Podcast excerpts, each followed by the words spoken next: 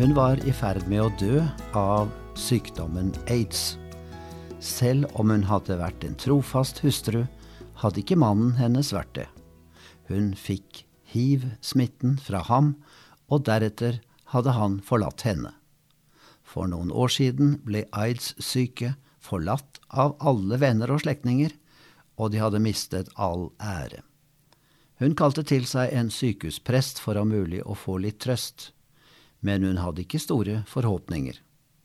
Da presten kom, nærmest hvisket hun, Jeg er fortapt, livet mitt er ødelagt, og det er heller ikke noe håp for dem omkring meg.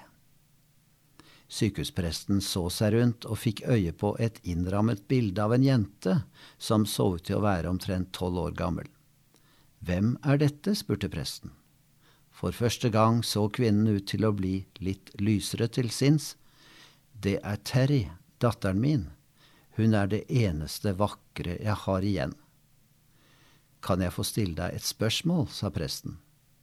Ville du fremdeles kalt Terry for datteren din om hun kom i store vanskeligheter, slik at ingen av vennene hennes tok kontakt eller ville være sammen med henne lenger? Ville du fremdeles vært glad i henne? Kvinnen svarte med et snev av sinne. Prest, hva slags spørsmål er dette? Naturligvis vil jeg være glad i henne. Hun er datteren min, jeg er moren hennes. Hvis alle andre svikter henne, vil ikke jeg gjøre det.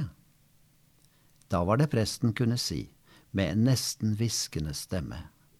Jo, det var et uvettig spørsmål, men jeg trengte å høre svaret ditt.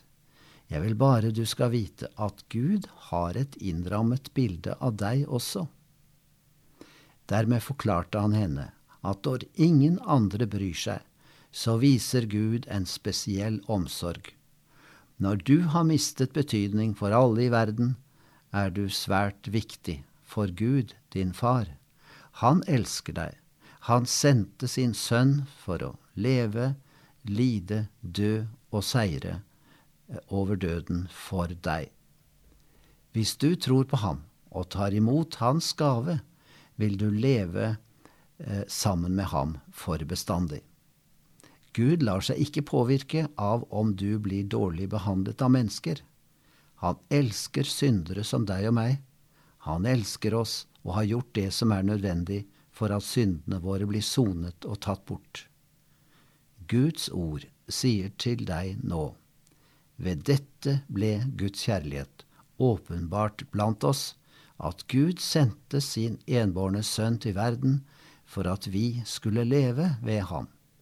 Ja, dette er kjærligheten, ikke at vi har elsket Gud, men at Han har elsket oss og sendt sin sønn til soning for våre synder.